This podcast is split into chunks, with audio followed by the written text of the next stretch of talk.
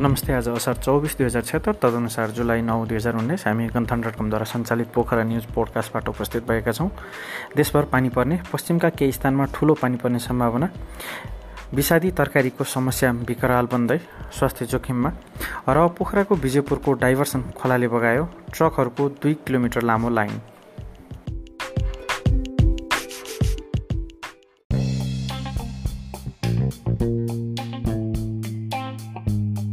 नेपालमा मनसुनी न्यून चापीय रेखा नेपालतर्फ सर्दै गएकाले मङ्गलबार पनि देशका अधिकांश स्थानमा पानी परिरहेको छ। मङ्गलबार देशका अधिकांश भूभागमा सामान्यदेखि पूर्ण बदली हुने मौसम पूर्वानुमान महाशाखाले जनाएको थियो। मङ्गलबार देशका धेरैजसो भूभागमा दिनभर नै पानी पर्ने र रोकिने क्रम चलिरहने मौसमविद मन्जु बासीले बताउनुभयो।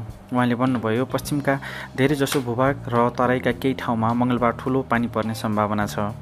मङ्गलबार राति पनि देशका अधिकांश भूभागमा सामान्यदेखि पूर्ण बदलिरहने महाशाखाले जनाएको छ।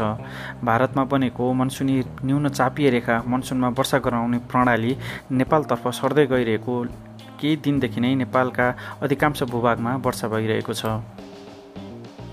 यता तरकारी र फलफुलको गुणस्तर जाँच नहुँदा जनताको स्वास्थ्य जोखिममा परेको चिकित्सकले बताएका छन्। तरकारी र फलफुल फलफुलमा विषादी जाँच गर्न पूर्वाधार नभएको जनाउँदै सरकारले निर्वाध रूपमा आयात गर्न दिने निर्णय जनस्वास्थ्यका दृष्टिले अपराधजन्य भएको चिकित्सकको दावी छ। विषादी प्रयोग गरिएका तरकारी एवं फलफुल खाँदा स्वास्थ्यमा दीर्घकालीन असर पर्ने चिकित्सक बताउँछन्।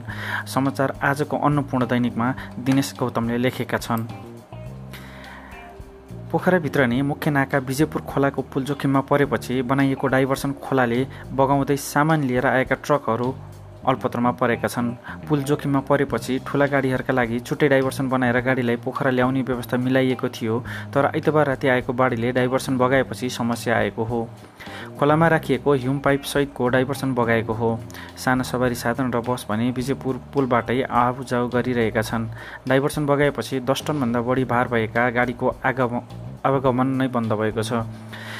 हामीले पोखराको विजय पुलको डाइभर्सन खोलाले बगाएपछिको दृश्य हाम्रो युट्युब च्यानल र हाम्रो वेबसाइट गन्थन डट कममा पनि प्रकाशित गरेका छौँ। हेर्नुहोला।